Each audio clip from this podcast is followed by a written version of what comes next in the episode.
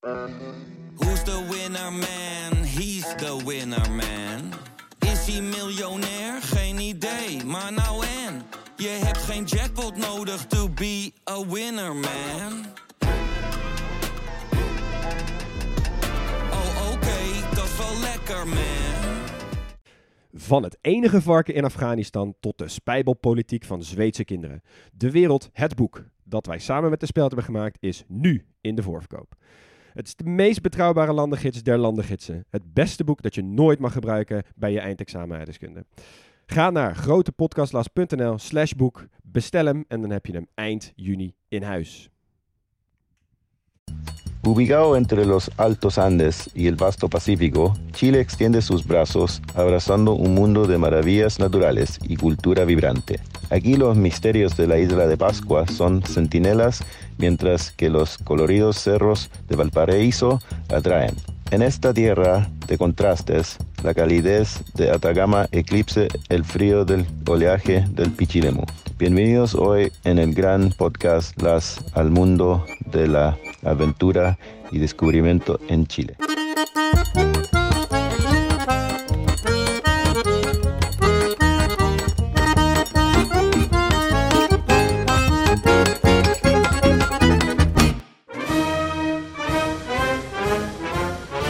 We zijn in Chili, het land van vuur en ijs. Voor beide is wat te zeggen en dit wordt een verwarrende intro. Je zou kunnen stellen dat het vrij chilly is in Chili, het land dat dicht bij Antarctica ligt. Steenkoud en ze noemen het vuurland. Dat was een betere naam geweest voor de bloedhete Atacama, waar geen druppel regen valt. Chili is een land van ijskoude dictators en heetgebakerde demonstranten. Het is de naamgever van de peper waar je je mond aan brandt en de plek waar de Koude Oorlog ijzingwekkende gevolgen had. Het is een land van de eeuwige sneeuw in de Andes en van verhitte rodeo's. Stomende gijzers, maar een koude golfstroom aan de kust. Snap je de boodschap of moeten we nog even doorgaan? Boah, ga nog maar even door. Ja, ik ben out of ammo. Ja, mooie intro weer, Max. Jongens, ik ben verliefd. Ben je verliefd Ja, op dit land? ja. Oh jee. Ik ben zo blij dat je dit zegt. Ja, ik wist Het dat het eerste ik zou, ik zou Zuid-Amerikaanse Leon... land waar je dat over zegt. Ja, nee, echt. Ja, ja, ik weet dat ik Leon een groot plezier mee doe. Het is ongeveer jouw favoriete land, volgens mij. Dit is, ik Maar- kijk al sinds het begin van deze podcast uit naar deze aflevering. Ja. Ja, nee, dat snap ik wel. Ik, ja, ik, ik had politiek en ik had toerisme. Nou, dan ga je natuurlijk ook op zoek naar de pareltjes, sport. En ik dacht, ja, er is gewoon geen land als Chili. En dat is bij alle landen zo, maar ja, ik, ik wil erheen. Het is geografisch mega interessant. Het is geologisch mega interessant. Er zitten Ja. vet veel unieke dingetjes hier. Het is overal mooi. Het is, het is over. Ja, ik ben er geweest. Jullie zijn er niet geweest, volgens mij, toch? Nee. ik wou het zeggen. Helaas. Eh, ik ben er recent nog geweest, 2020. Ehm, ik, ik raad het iedereen aan. Ga eens in je leven naar Chili. Echt, ga erheen. Als je je Ja. vliegschaamte te boven bent, inderdaad. Ja, Het is wel pokken ver weg, hè? het is echt ver weg, ja. Maar je kan het mooi combineren met allemaal andere landen in de regio die ook prachtig zijn, namelijk. Ja, Ja, Max, ik, ik- jij stuurde vorige week ook, eh, ook een appje, geloof ik, naar ons van... eh, oh, ik ga even Google Street Map en ik zet mijn poppetje op een willekeurige plek neer. En het was echt een schitterend plaatje. Ja. Ja. Zo is Chili dus gewoon. blijkbaar. Ja. Echt, ja, bizar. Het heeft gewoon alle landschappen waar je als eh, reiziger blij van wordt. Ja, Ja, nou, snel beginnen maar. yes. Zeker. Nou, daar gaan we. Hey, eh, Chili is eh, ten eerste het minst ronde land ter wereld. yes. Ik denk dat je gewoon een heel Chili om Sierra Leone heen kan leggen als een soort van slang. Ja. en daarnaast is Chili natuurlijk de reden dat Argentinië net niet aan de Grote Oceaan grenst. Yep.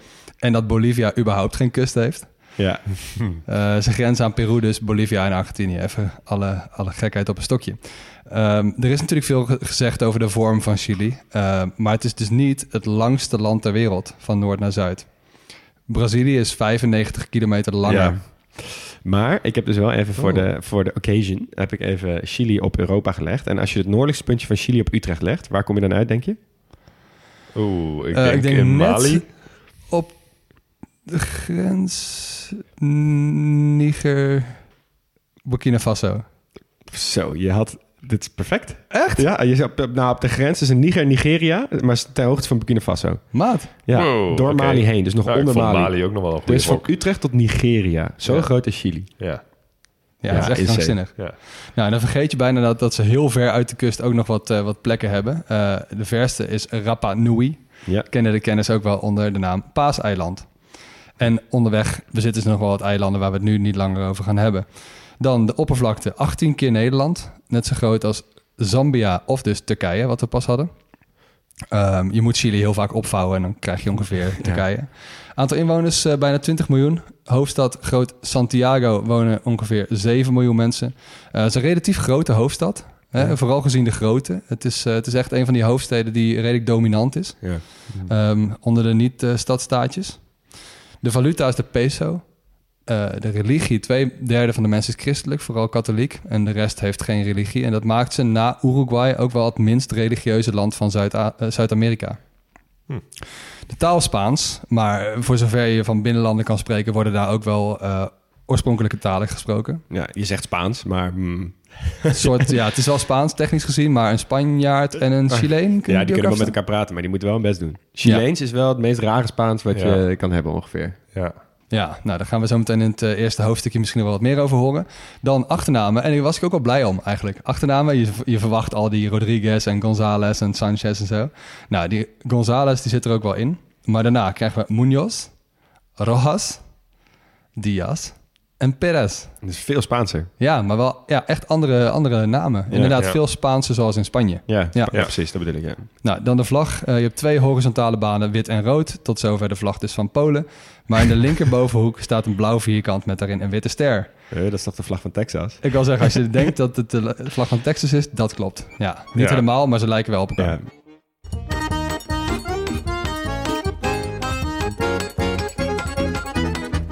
De bevolking in Chili die is ehm, een van de witste in Zuid-Amerika. Eh, ruim 50% van de inwoners heeft een puur Europese achtergrond. Ruim 40% is mestizo, dus gemengd inheems-Europees. En maar een paar procent is echt inheems. Ehm, er is dus ook bijna geen zwarte bevolking, omdat er in Chili nooit plantages waren en dus geen tot slaafgemaakten er naartoe zijn gebracht vanuit Afrika. Eh, Chili was ehm, toch lang niet zo'n belangrijke vestigingskolonie als bijvoorbeeld Brazilië en Argentinië, waar veel meer Europeanen naartoe gingen. Simpelweg omdat het gewoon een stuk langer varen was. Want je moest eh, voor het Panama-kanaal helemaal om, om die zuidpunt heen.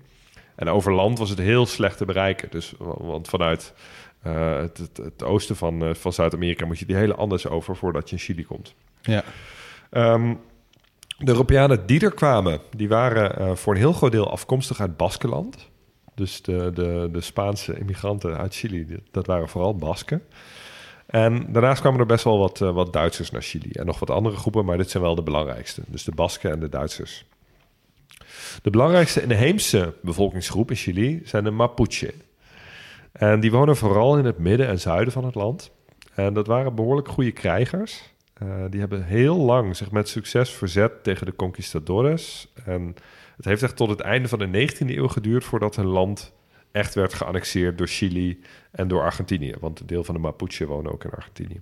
Ze hebben een hele vette vlag. Ja, die is echt bizar. Die zie je best wel veel plekken ook nog terug in Ja, Chili. je moet een beetje denken aan de vlag van Azerbeidzjan. Dus eh, eh, blauw, groen, rood. En in het midden staat een, een gele cirkel met een aantal symbolen. En aan de bovenkant en de onderkant heb je een soort zwart-wit borduurwerk. Ja. Oké. Ja, echt even googlen. Dan gaan we even naar Paaseiland. Eh de lokale bevolking daar heet de, de Rapa Nui. En eh, dat is een Polynesische bevolkingsgroep. Dus heel anders. Die zijn verwant aan, eh, aan de andere volkeren in, in Oceanië. En de geschiedenis van die bevolkingsgroep is een van de meest bestudeerde onderwerpen op aarde. ja. Ja. Eh, toen de Europeanen Paaseiland ja, ontdekten, viel het ze op dat er bijna geen boom overeind stond op het eiland. Ehm, de bevolking kon dus daarom ook geen boten maken, want er was geen hout. En er lagen ook geen oude eh, eh, schepen. Dus hoe die Polynesiërs er gekomen waren, dat was een totaal raadsel. En toen zagen de Europeanen eh, wel van die kolossale stenen beelden op het hele eiland. ja. Eh, dus ja, het mysterie was compleet. Want hoe kon je nou die stenen verplaatsen zonder hout? Nou, heel veel Europese wetenschappers hebben zich hier eh, opgedoken. En de meesten concludeerden dat er ooit waarschijnlijk veel meer inwoners zouden zijn geweest op Paaseiland. En de bevolking zou steeds meer van die beelden zijn gaan maken. Nou, daarvoor was er steeds meer hout nodig om al die stenen te kunnen verplaatsen. Want die werden allemaal voort, vooruitgerold op, die, eh, op, op, op houten boomstammen. Ehm, en daardoor zijn alle bomen omgehakt. Nou, het gevolg is dat de hele bodem totaal geërodeerd raakte. Dat er eh, hongersnood uitbrak omdat de landbouwoogst mislukte. Eh, dat er een burgeroorlog ontstond en dat mensen vervielen in totaal cannibalisme. De paaseilanders zouden daardoor bijna zijn uitgestorven. En dit verhaal werd door veel we- wetenschappers gebruikt om aan te tonen in wat voor gedrag mensen vervallen onder moeilijke omstandigheden. En dus dat de mens van nature slecht is. Ja. Maar het eh, verhaal wordt tegenwoordig heel sterk betwijfeld. Ja. Ehm, vooral door twee Nederlanders. Eh, eh, de Nederlandse milieubioloog Jan Boersema en Rutger Bregman, die hem veelvuldig citeert in zijn boek De meeste mensen deugen. Er zouden namelijk hele andere redenen zijn geweest voor de afname van de bevolking. Er was wel sprake van ontbossing, Ja. maar die zou voor een groot deel te wijten zijn aan de komst van de Polynesische rat naar het eiland. Ja. Ehm, bovendien, die ontbossing, die leidde helemaal niet tot honger. Want eh, eh, de bevolking die kon zijn landbouw heel goed aanpassen aan de eh, veranderende omstandigheden. En bij onderzoek naar skeletten is er totaal geen bewijs gevonden voor zoveel onderling geweld als eerder werd verondersteld. Eh, de grootste afname van de bevolkingsaantallen die kwamen pas na de komst van de kolonisten. Ja. Eh, toen de ziektes die ze allemaal meebrachten toesloegen en de bevolking als slaaf werd verhandeld.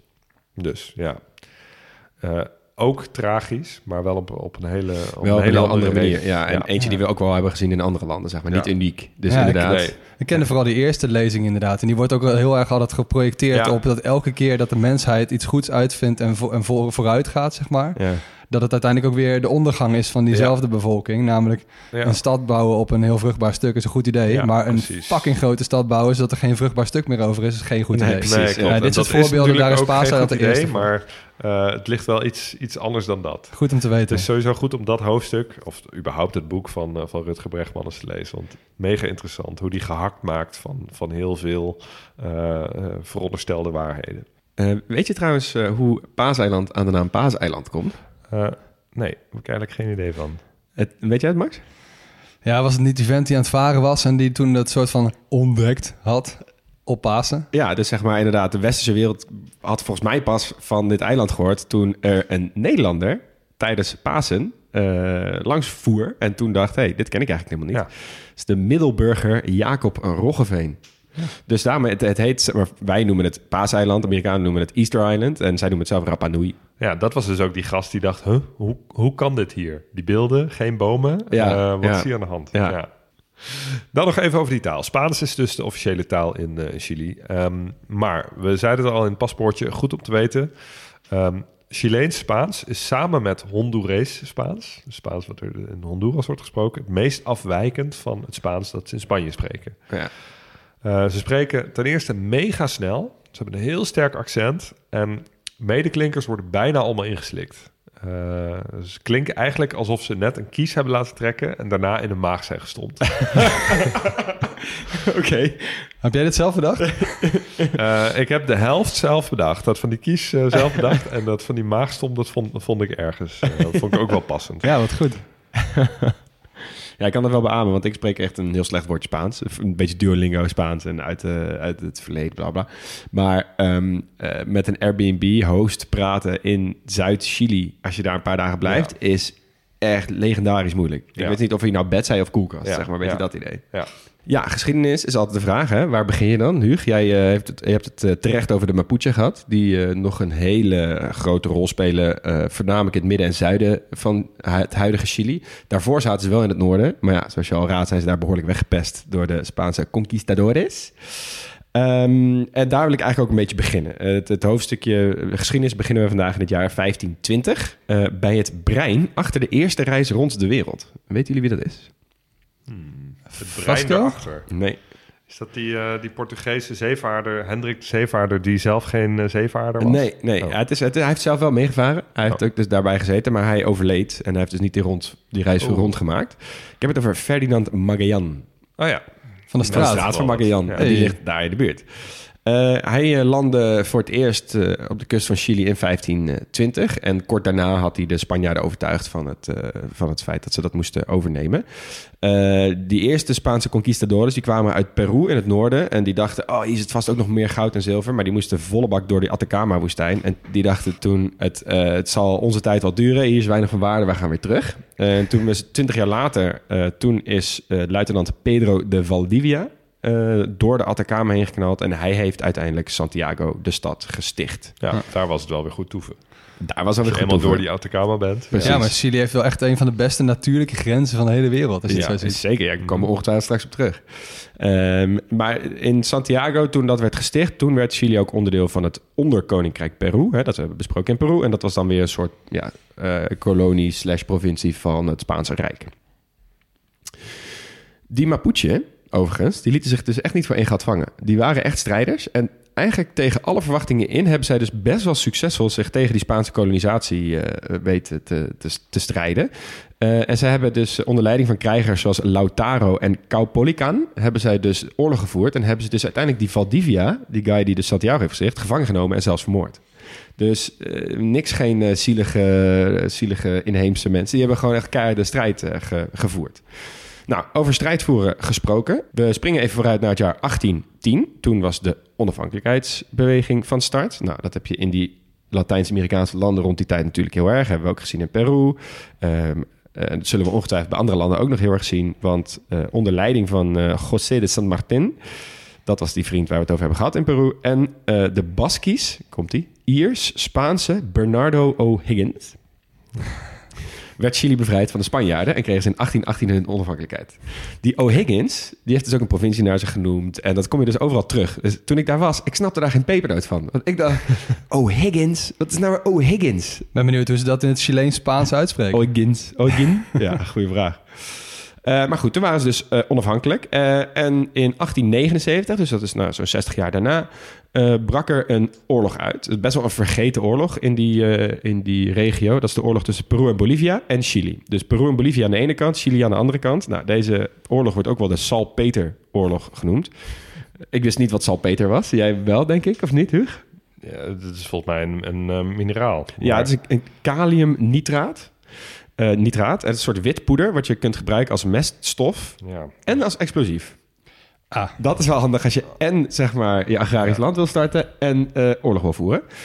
Ehm, dus er werd daarom gestreden in de kustgebieden in het noorden en in de Atacama-woestijn. En de Chileense marine heeft uiteindelijk die strijd in hun voordeel eh, be- beslist. En Bolivia was best wel fucked, want daarna hadden ze dus geen kustlijn meer. Hadden ze ook geen, geen marine meer nodig. Nee, en die hebben dus al hun marine toen verplaatst naar Titicaca meer. Ja, als ze daar rondjes varen. Ik denk het.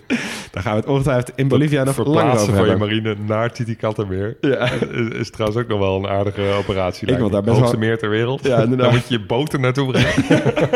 en waarom ook. Nou goed. ehm, eh, die wereldwijde vraag naar dat salpeter was, eh, bleek uiteindelijk heel erg belangrijk, ook voor de politieke situatie in, eh, in Chili. Eh, want het zorgde voor echt een hele grote economische boom. Eh, overal werden dorpjes opgericht om dat maar uit de grond te trekken. Eh, het werd eh, volle bak geëxporteerd naar eh, voornamelijk VS en West-Europa. Eh, alleen toen kwam er eigenlijk begin 20e eeuw, kwamen er, waren er twee Duitsers en die vonden uit hoe je het ook synthetisch kon maken in plaats van uit de grond kon trekken. Daar gaat je exportproduct. Beetje zoals eh, in de Verenigde Arabische Emiraten met die parels. Exact dat. Ja. Nou, en toen, daar kwam dus de, de beurskracht van 1929 overheen. En toen was Chili eigenlijk een soort half failliet. En die dorpjes, die waren ook... Ja, in 1960 is uiteindelijk de laatste is, eh, is helemaal verlaten geweest. Maar die kan je dus nu nog steeds bezoeken. zijn echt van die spookdorpen, weet je wel, in het noorden van Chili. Nou, politiek gezien was deze periode best belangrijk. Want doordat eh, dat, eh, die export zo terugnam en heel veel mensen wel arbeiders waren, dachten ze, ja hallo, hoe is het nou met ons? Eh, wij willen ook wel gewoon onze rechten en eh, sociale positie in het land. En daardoor kwam het socialisme heel erg op. En eh, dat werd in 1925 een nieuwe grondwet aangenomen. En die was ook belangrijk tot en met eh, de, nou, de andere politieke zware periode waar we het straks over gaan hebben. Eh, en dat was best wel een interessante periode. Dus die, ik heb het nu over de 1925 dat de nieuwe grondwet kwam.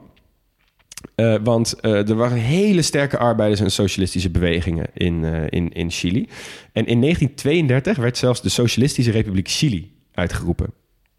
Niet de meest langstondige republiek ter wereld, want het bestond van juni tot en met september van 1932. Dus het ging niet heel bueno. Maar het was dus wel, dat was echt, ze hebben een hele duidelijke rode geschiedenis met veel arbeiders, arbeidersdorpjes. En dus eh, hè, die, die po- politieke gevoel, dat lag daar heel Ik erg. denk een van de eerste socialistische landen dan ook. Buiten, buiten de Sovjet-Unie bijvoorbeeld. Ja, ja Mongolië, waar we dat ook eh, volgens mij langs hebben zien komen.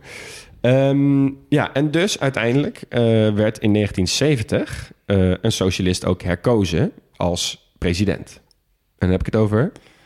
Allende. Salvador Allende.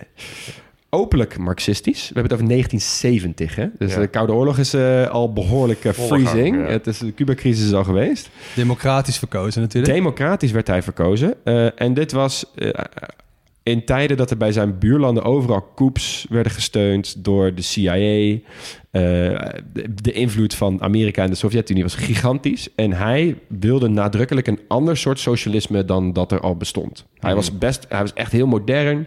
Ehm, eh, goed ehm, verbonden ook met de samenleving. Hij had veel vrienden onder dichters en filmmakers en al dat soort mensen. En hij zei: Ik wil een Chileense weg naar socialisme met een nadruk op democratie. Dus wel eh, socialistische doelen nastreven, maar via de democratische instellingen en processen. Dus eigenlijk een soort democratisch socialisme. Eh, en hij zocht echt heel duidelijk relaties met zowel de Verenigde Staten als de Sovjet-Unie. Maar, en nu komt het, dit is het socialisme van het hele gebeuren. Hij nationaliseerde groot, de allergrootste bedrijven van het land, met name de kopermijnen. Die waren vaak van Amerikanen. En in plaats van dat hij ze compenseerde voor het verlies dat hij die bedrijven overnam, heeft hij ze een eh, boete gestuurd voor het feit dat zij zoveel milieuschade hebben gegeven aan Chili. ja, dat vind je best wel een koning. Ehm, maar goed, maar daardoor gingen die spanningen met de VS natuurlijk best wel hoog op. Ehm, ja, en eh, een ander onderdeel van, het, van Chili, wat traditioneel heel rechtsgeoriënteerd is, is het leger. Dat in de koppeling met dus die grote oligarchen, rijke mensen die dus het socialisme op zagen komen, zorgde er eigenlijk voor dat we in 11 september 1973 een gigantische wisseling van de wacht zagen. Ja, zeker. Ja, want eh, nou ja, die Allende die had dus een marxistische staat. Hè, en die Sovjet-Unie vond dat natuurlijk wel mooi. Hè, in de achtertuin van de VS. Dus die steunde ook wel Chili in de vorm van lange termijn kredieten. Eh, maar die waren veel minder effectief dan die dikke investeringen die de VS deed in Chili. Ja. Ehm, dus samen met de dreiging van een soort marxistisch domino-effect in Zuid-Amerika... was dat voor de Verenigde Staten, hè, puur dat geld... een hele goede reden om eens even een wissel van de wacht af te dwingen. Nixon bijvoorbeeld, eh, Richard Nixon, die zei in die tijd ook... Dat, de, dat hij de Chileense economie het zou laten uitschreeuwen. En dat lukte ook. De inflatie onder Allende was op een gegeven moment 600 procent. Ja. Eh, dus perfecte voedingsbodem voor een, eh, voor een coup. En die kwam dus inderdaad ook in 1973. En dan is centrale man natuurlijk Augusto José Ramon Pinochet Ugarte. Opperbevelhebber van het leger. De geboorteplaats van die coup was de havenstad Valparaiso. Eh daar zat de marine. En die werd dus ook als eerste aangevallen. En daarna alle radio- en tv-stations. En uiteindelijk ook het presidentiële paleis. En Allende kwam daar ook bij om, bij die coup. Inmiddels gaat men uit van zelfmoord. Dit was echt een superbelangrijk moment in de Chileense geschiedenis. Je hebt heel veel musea in Santiago en in Chili die echt op dit moment aangrijpen. En één moment wil ik even uitlichten, want dat was namelijk Salvador Allende zat dus in dat presidentiële paleis. Dat werd gebombardeerd door vliegtuigen. En hij heeft vanuit daar zijn laatste speech ge- uitgezonden over de radio naar alle Chilenen. Je wil even een heel klein stukje daarvan laten horen.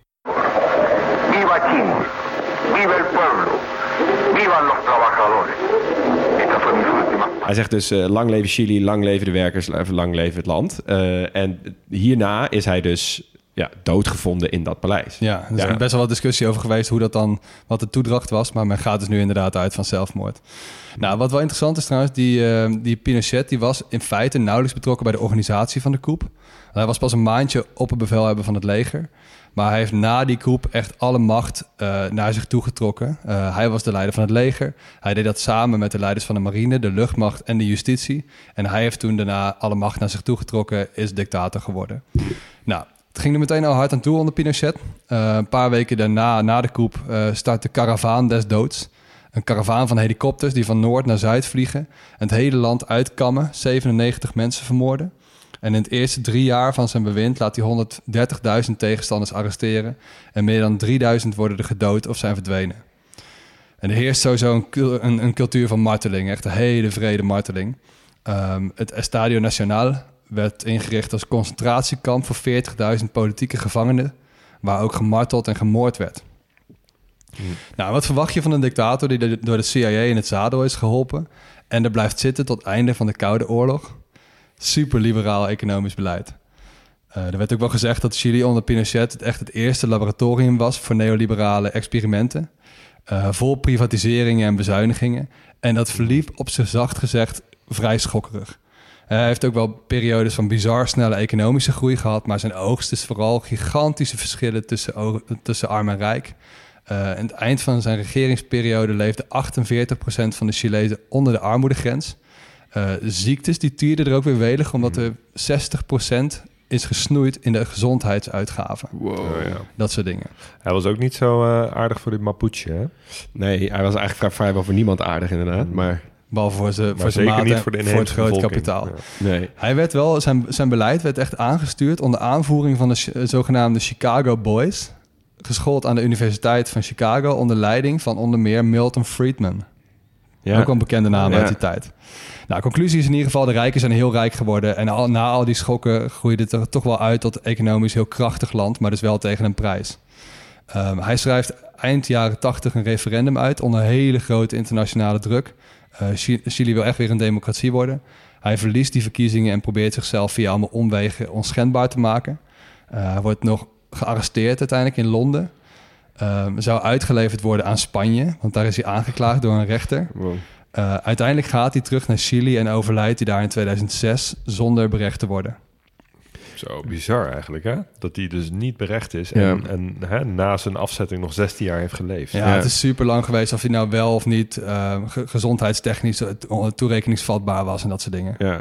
Overigens, een leuk feitje over die eh, verkiezingen. Eh, twee leuke feitjes eigenlijk over die verkiezingen. Eén, het is een van de allermooiste eh, campagnes die er ooit gevoerd is. Want het was ja of nee, wil je door met Pinochet? Was basically de vraag. Zeg maar, Ja. Je had het ja-kamp C en je had het no-kamp. En er Ja. is echt een supermooie documentaire over gemaakt. Die zou ik ook wel even op de website zetten. Dat is één. Twee, weet je wie de opzichter was bij die verkiezingen? Oeh, Eh, Democra- je hebt toch altijd van die democratische opzichters Ja. van internationaal... die dan Ja. gaan kijken of het allemaal wat Mhm. netjes verloopt. Johan Remkes. Bram van Ooyek. Nee. Ja. Oh, echt? Oh, zat ik Ja. dichterbij dan ik dacht. En die heeft eh, daarover gezegd toen, eh, ooit een keer, toen zat ik een keer met, met een auto. Die zei van ja, en toen heb ik wel echt geleerd dat Chili echt een heel weerbaar, heel mooi land is. Zo, oh, die zag ik niet aankomen. Ja, en als je, als je daar ooit een keer bent, in Santiago heb je het herinneringsmuseum van de mensenrechten. Eh, dat is een relatief nieuw museum. Helemaal ingericht over wat er allemaal gebeurd is met de mensen en de, zeg maar, de, de mensen die Mapuche, de mensen die onderdrukt zijn. Mhm. En mensen die zijn verdwenen, dat zijn er vet veel natuurlijk, eh, die nooit meer terecht zijn gekomen. Echt zo'n museum waar je echt langs moet als je in die stad bent. ja, echt zo, ja, heel erg. Cool. Dan nog even aandacht voor twee vrouwen. Eh, de hartsvriendinnen Michelle Bachelet en Evelien Matthij. Zij woonden vroeger naast elkaar op een vliegbasis tijdens de socialistische tijd. Dus die tijd heb ik het ongeveer over. Eh, de vaders die werkten namelijk bij de luchtmacht. En toen kwam de coup. Die vader Bachelet, dat was een ras-echte socialist. Dus hem wachten ook martelingen in Via Grimaldi. Dus eh, echt zo'n zo'n zo'n plek waar heel veel gemart werd, gemarteld werd, veel, veel gemoord werd. Zijn familie werd ook gemarteld. Hij overleed aan zijn verwondingen en ook die Evelien, zijn dochter, werd gemarteld. Vader Matthij, dus die ander, die werd benoemd tot baas van de luchtmachtacademie in het gebouw waar zijn vriend gemarteld werd. Wow. Dus die dochters, die kenden echt een extreem verloop van hun verdere leven. Maar die zouden later weer bij elkaar komen, tegen elkaar. Want Michelle Bachelet werd namelijk in 2006 de eerste vrouwelijke president van Chili. Ja. Maakte ook haar termijn vol, eh, maar het moest toch weg door de grondwet. Hè, die staat maar één termijn toe. En in 2014 wilde ze weer. En wie was haar belangrijkste uitdager? Evelien Matthij, Nee, haar vroegere jeugdvriendin. En die redde het niet. En eh, Michelle die kreeg weer een nieuwe termijn en die maakte ze ook nog eens vol. Maar moet je nagaan dat die levens dan weer op die manier weer bij elkaar komen. Ja. Ja, ja, ja, echt geweldig. Ja, daar kan je echt een goede film ook over maken. Ja, nou, dus sinds die tijd is het een beetje pingpongen tussen de socialisten en de liberalen. Eh, van de liberalen is Sebastián Piñera is eh, twee termijnen president geweest. En eh, ja, is het dan nu allemaal koek en ei in, eh, in Chili? Absoluut niet. Eh, je kunt echt nog wel steeds zeggen dat Chili economisch gezien nog steeds gebukt gaat onder de ongelijkheid van die Pinochet-tijd. Dus ja, het is een rijk land. Maar veel mensen vinden dat de overheid veel te weinig doet om openbare diensten te leveren die ook horen bij zo'n rijk land. Dus gezondheidszorg, pensioenen, huisvesting. Een eikpunt was 2011, toen er tienduizenden studenten de straat op gingen tegen het commerciële karakter van het onderwijs. Dat verstaat Chili dus onder de straat op gaan. Ja. Heel anders dan hier. Ja. Super activistisch. En het vonkje dat de boel daarna liet ontploffen was in 2019. Omdat eh, er was een plan om de metrokaartjes duurder te maken. En dat ontaarde ook weer in enorme protesten. eh, met onder andere als uitkomst dat er een nieuwe grondwet moest komen. Die dateerde al uit, uit de tijd van Pinochet. Ja, wow. Ja, ik kan me nog wel herinneren, want, want eh, Chili, hè, ondanks, eh, ondanks wat je vertelt, ehm, was het toch eigenlijk een braaf jongetje in de klas. Het was een van de welvarendste landen in, eh, in Zuid-Amerika, zeg maar, in de zero's. Dus die, die protesten kwamen voor mij eigenlijk een beetje uit, het- uit de lucht vallen. Voor Ik iemand dacht dat die Chili niet ging. kent. Ja, precies. Dat Ja. dacht ik ook inderdaad. Ja.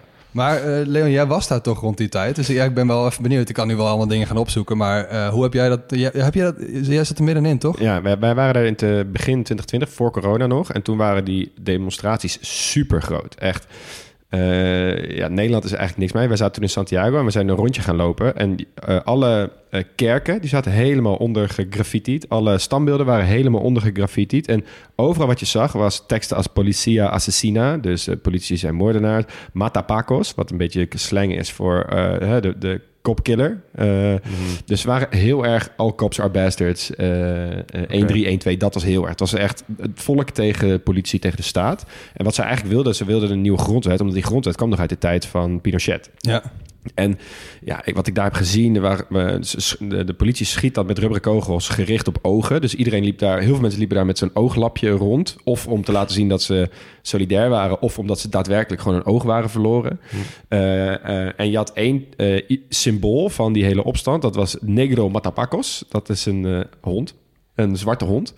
Eh, en die, die liep altijd mee met de protesten. En eh, was een soort symbool van laten zien dat zij... eh het was een zwarte hond met een rood, rood doek om zijn nek heen, zeg maar. Ja. En die werd echt overal meegedragen als soort symbool in knuffelvorm... of in, in plaatjesvorm, werd overal op de muur gegraffitied. En het was zelfs zo erg dat op een gegeven moment liepen wij een rondje. Toen zijn we het een beetje op gaan zoeken. Toen ben ik gaan praten met wat, met wat studenten daar. Die, eh, die studeerden medicijnen en die... die die waren dus eigenlijk feitelijk hospics tijdens, de, tijdens die eh, protesten. Dus zij hielpen mensen. Eh, en terwijl ik met hen aan het praten was, kwamen er dus uit verschillende gaten kwamen mensen terugrennen. Die zeiden dat we moesten rennen. Toen kwamen er overal wagens met van die eh, waterkanonnen op het dak. En toen moesten wij echt volle bak terug Santiago straten Oh. in rennen. En dat spelletje, dat speelden zij dus gewoon eigenlijk gewoon de hele dag. Oké. Ja, dat was wel eh, behoorlijk Heftig. om mee te Ja. maken. Ja. Ja.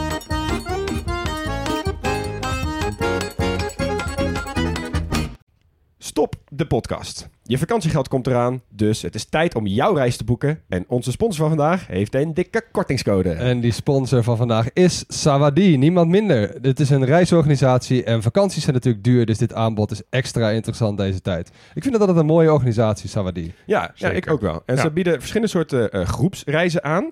Eh, en vandaag gaan we het even hebben over die ze aanbieden aan de 22 tot 35-jarige backpackers. En dat zijn over het algemeen mensen die wel wat meer willen weten over het land dat ze bezoeken. En dus niet zomaar van A naar B die hotspots aflopen, busje in, busje uit.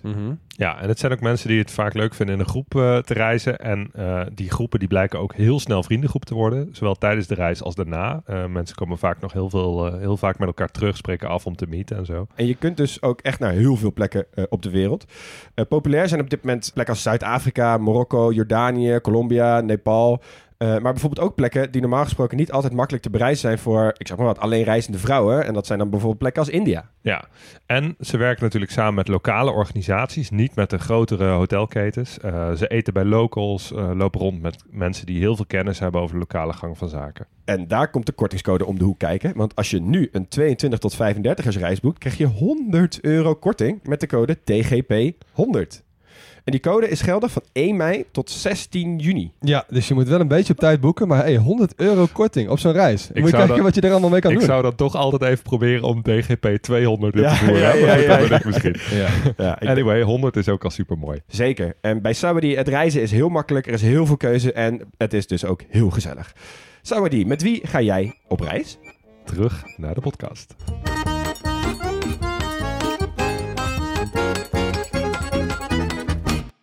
Nou jongens, ik was zo blij dat ik dit loodje trok. Fysische geografie. Ehm, kind in de snoepwinkel. Je mag echt ja. kiezen wat je wil. Joh. Je hebt van alles en nog wat. Echt hè? Eh, zonder twijfel is Chili een van de meest bijzondere landen ter wereld. fysisch geografisch gezien. Dus dit wordt een lekker hoofdstukje. Ga er even goed voor zitten. We beginnen met de plaattectoniek. Die is spectaculair, maar wel heel makkelijk. Want Chili ligt gewoon op de Zuid-Amerikaanse plaat. En precies ten westen van Chili ligt eh, van noord naar zuid de Nazca-plaat en de Antarctische plaat. En die duiken allebei onder de Zuid-Amerikaanse plaat door. Dus je hebt een subductiezone van noord naar zuid. En dus krijg je over die hele lengte gebergtevorming met actief vulkanisme en aardbevingen. Ja. En geen kleine aardbevingen. Sterker nog, in Chili vond de zwaarste aardbeving plaats die ooit is geregistreerd. ja. In 1960 had een kracht van 9,6 op de schaal van Richter. Insane. Ja. Dat staat gelijk aan een energie van 32 gigaton TNT. En dan denk je, huh? maar niks, nee. even vergelijking. eh, de zwaarste waterstofbom die ooit is gemaakt, dat is de, de Tsar-bomba, die ooit is getest. Ehm, die is 50 megaton. En bij die aardbeving kwam dus ongeveer 600 keer zoveel energie kwijt. Jeez. Ja, en vooral met die schaal, die gaat steeds in tientallen erger, toch? Of honderd keren erger of zo. Ja, die dus eh, die schaal van. Richter, ja. 9,6 is geloof ik 10 keer zo zwaar als 8,6. Zo. Ja. Eh, dus echt insane. Ehm, door die aardbeving verschoof de aarde zodanig dat rivieren echt een hele andere loop kregen. Eh, zelfs spontaan een vulkaan uitbarsten. Want ja, hè, Ja, zoveel onrust in de Ja. aarde. Ja. Eh, er ontstond ook een tsunami, 25 meter hoog. Zelfs op Hawaii, Japan en de Filipijnen eh, maakten die slachtoffers. Holy. Daar was die, was die geen 25 meter Nee, hoog meer, nee. maar alsnog. Ja. In Chili zelf vielen 3000 doden. En dat valt eigenlijk nog wel mee Ja. als je bedenkt bij zo'n zware aardbeving. Ehm, twee gelukjes. Eén, het gebied was, waar het plaatsvond was niet zo dicht bevolkt als bijvoorbeeld het gebied in Indonesië in 2004 of in Turkije en Syrië onlangs. En de aardbeving vond plaats tijdens de zondagmis. Dus heel veel mensen waren in de kerk. En die kerken die waren een stuk steviger gebouwd dan de meeste huizen. Ah. Oh joh. Ja. Oké, ja, ik weet wel dat ze altijd grapjes maken, ook in Chili, over dat die lui zelf heel goed tegen aardbevingen kunnen. ja. Ik heb ook zo'n filmpje gezien van iemand die zit dan in zo'n kantoorruimte en dan begint gewoon die ruimte te trillen. En dan zie je die echt zo kijken omhoog van hoe lang gaat Ja. het nog duren? Oké, Even ik ga opstaan. wel opstaan. Ik loop Ja. wel naar zo'n deurpost. Weet je, Ja. ga ik daar even schuilen en loop ik Ja, terug. het is er, het is er schering en inslag. Ja. Ja. Ehm, nou, omdat, er- omdat er dus bijna geen enkel land zo lang is van noord naar zuid, eh, heb je enorme verschillen in klimaat en dus in landschap. Tegelijkertijd is het natuurlijk heel smal, dus Chili heeft, durf ik wel te zeggen, de grootste variatie in landschappen per vierkante kilometer van alle landen. Ja. Ik heb dat niet gefactcheckt, maar kom aan, ja, dit Ja. moet toch wel. Dat durf ik ook wel aan. Ja. Of het moet Nieuw-Zeeland zijn of zo. Ja. Ehm, even voor de goede orde. Chili ligt volledig op het zuidelijk halfrond. Dus het noorden is behoorlijk warm. En het zuiden is ijs en ijskoud. In het noorden waait de wind meestal uit het oosten. Aflandig dus. Die wind is boven eh, eh, Brazilië, Bolivia en het noorden van Argentinië eh, al helemaal uitgeregend. En is dus heel droog als die bij Chili aankomt. Als je daar iets meer over wil horen, luister even de aflevering over Peru. Het kustwater bij Chili is ook nog eens heel koud. Dus als de wind een keer andersom waait, verdampt er vrijwel geen water uit de zee. Dus het noorden van Chili is echt kurk en kurk droog. Daar zit dus ook die Atacama-woestijn, Ja. een van de droogste plekken ter wereld. De allerdroogste woestijn ter wereld eh, ligt hier trouwens niet. Dat is die. Ja, dat zal Antarctica wel zijn dan. Ja. Ja, inderdaad. Die ligt op Maar dat Antarctica. vind ik altijd wel een beetje flauw. Nou, waarom? Ja, In, de- in deze podcast mogen we dat wel Kom zeggen. aan, ik wil zand en, en rotsen. ja, ja, jij wil gewoon de, de Donald Duck variant van Ja, de ja, ja. Sorry, maar zo werkt het Met een boek Ja, erin zo. Maar goed, wel heel droog dus. Eh, er valt gemiddeld 5 mm regen per jaar. Ehm, in Nederland valt in een maand al tien keer zoveel. Ja. Eh, er zijn zelfs plekken waar tientallen jaren achter elkaar niet regent. Kiyaga bijvoorbeeld eh, stond bekend als de droogste plaats ter wereld... omdat er tussen 1919 en 2015 geen regen was gevallen. Jeeuw. Bijna 100 jaar. Ja. Maar op een dag in 2015 viel er dus wel regen. En niet zo'n beetje ook. En dat leverde meteen gigantische problemen op. ja, dat zal ja. Want eh, er is natuurlijk helemaal geen vegetatie om het water op te nemen. Die droge grond die is keihard, dus die kan ook helemaal geen, eh, geen regen absorberen. Dus er ontstonden gigantische modderstromen. Tientallen mensen kwamen om, duizenden huizen vernietigd. Echt, echt een drama. In de dagen daarna trad wel een heel bijzonder fenomeen op. Want in de bodem van de woestijn zitten zaden van planten die in een soort winterslaap zitten. En nu er water bij was gekomen, zijn die zaadjes ontkiemd en kleurde de hele woestijn ineens roze van de bloemen. Ja, dat zijn Wow. echt waanzinnige beelden. Echt waanzinnig. Als je Ja. daar toevallig toen op reis was, dacht je ook echt, wat Wat is dit? Ja. Nou, in het zuiden van Chili, in, eh, in Patagonië, waait de wind meestal andersom. Daar waait hij namelijk uit het westen in plaats van uit het oosten. Het is daarom een stuk natter. Ehm, als je Chili op de satellietfoto ziet, dan kun je die overgang heel mooi zien. Het noorden van Chili kleurt dus geel, terwijl het noorden van Argentinië juist groen is. Eh, dat deel van Argentinië ligt dus in de loefzijde van de An- Andes. En in het zuiden is het precies andersom. Daar kleurt Chili groen, terwijl het zuiden van Argentinië geel is, omdat het eh, zuiden van Argentinië hier aan de lijzijde van de Andes ligt. Ja, ja, dat is inderdaad grappig om Dus te dat, is, zien. dat is vet mooi om dat kleurverschil in het, in het landschap te zien. Ehm, maar het uiterste zuiden van Chili is eigenlijk net zo slecht bewoonbaar als het, het uiterste noorden. Want het is dus echt heel koud. Je vindt daar dus ook pinguïns. Dat zijn die Magellan-pinguïns, ook vernoemd naar die ontdekkingsreiziger. Eh, en bijna alle mensen die wonen dus ook in het midden van het land. Het zuiden is landschappelijk dan wel weer heel spectaculair. Ehm, het lijkt een beetje op de Noorse kust, met veel fjorden, eh, veel eilanden, besneeuwde bergtoppen, Gletsjers. Gletsjers. Eh, de ijsvlaktes hier zijn ook, ook een van de grootste zoetwaterreserves van de wereld.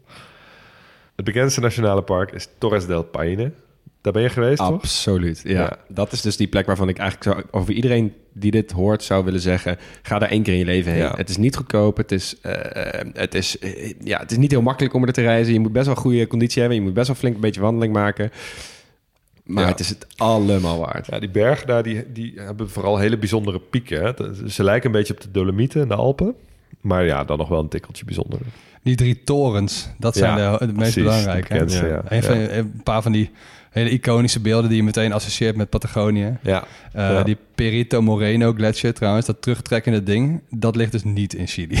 dat is Argentinië. nee? Oh, dat Ja. ligt in Argentinië. Ja, Oké, ja, ja. sowieso heel Patagonië is natuurlijk een beetje eh, stuivertje wisselen waar nou precies die grens ligt. Want ja, de natuur houdt zich niet echt aan grenzen. Dus als je die regio bezoekt, dan krijg je ook... Je moet in ieder geval wat eh, vrije bladzijden in je paspoort houden. Want je krijgt de hele tijd, ga je het land in, uit, in, uit, in, uit. En dan krijg je weer een Chileense of een Argentijnse stempel. Ah, oké. Ja, nou lachen. Goed voor de spaarders. Ehm, tot slot, nog even naar de eilanden die bij eh, Chili horen. Eh, die zijn eigenlijk allemaal ontstaan als gevolg van een hotspot. Dat is dus een plek waar magma dwars door de aardkorst een weg naar boven zoekt. En omdat die aardkorst eh, boven die plek steeds verschuift, schuift het vulkanisch actieve gebied steeds mee en ontstaat dus een keten van vulkanen. Nou, Paaseiland is de beroemdste daarvan. Dat is een driehoekig eiland. Op elke hoek van het eiland vind je een vulkaan. Ehm, vanwege de afgelegen ligging van het eiland heeft het ook een hele eigen ecologie. Maar goed, we hebben dus al gezien dat het eeuwen geleden al ontbost is geraakt.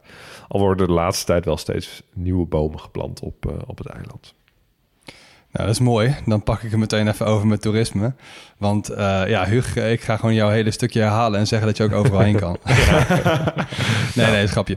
Eh, in ieder geval, ja, dat eh, toerisme is wel echt heel erg verwant aan de natuur. Want het is natuurlijk gewoon vet mooi daar.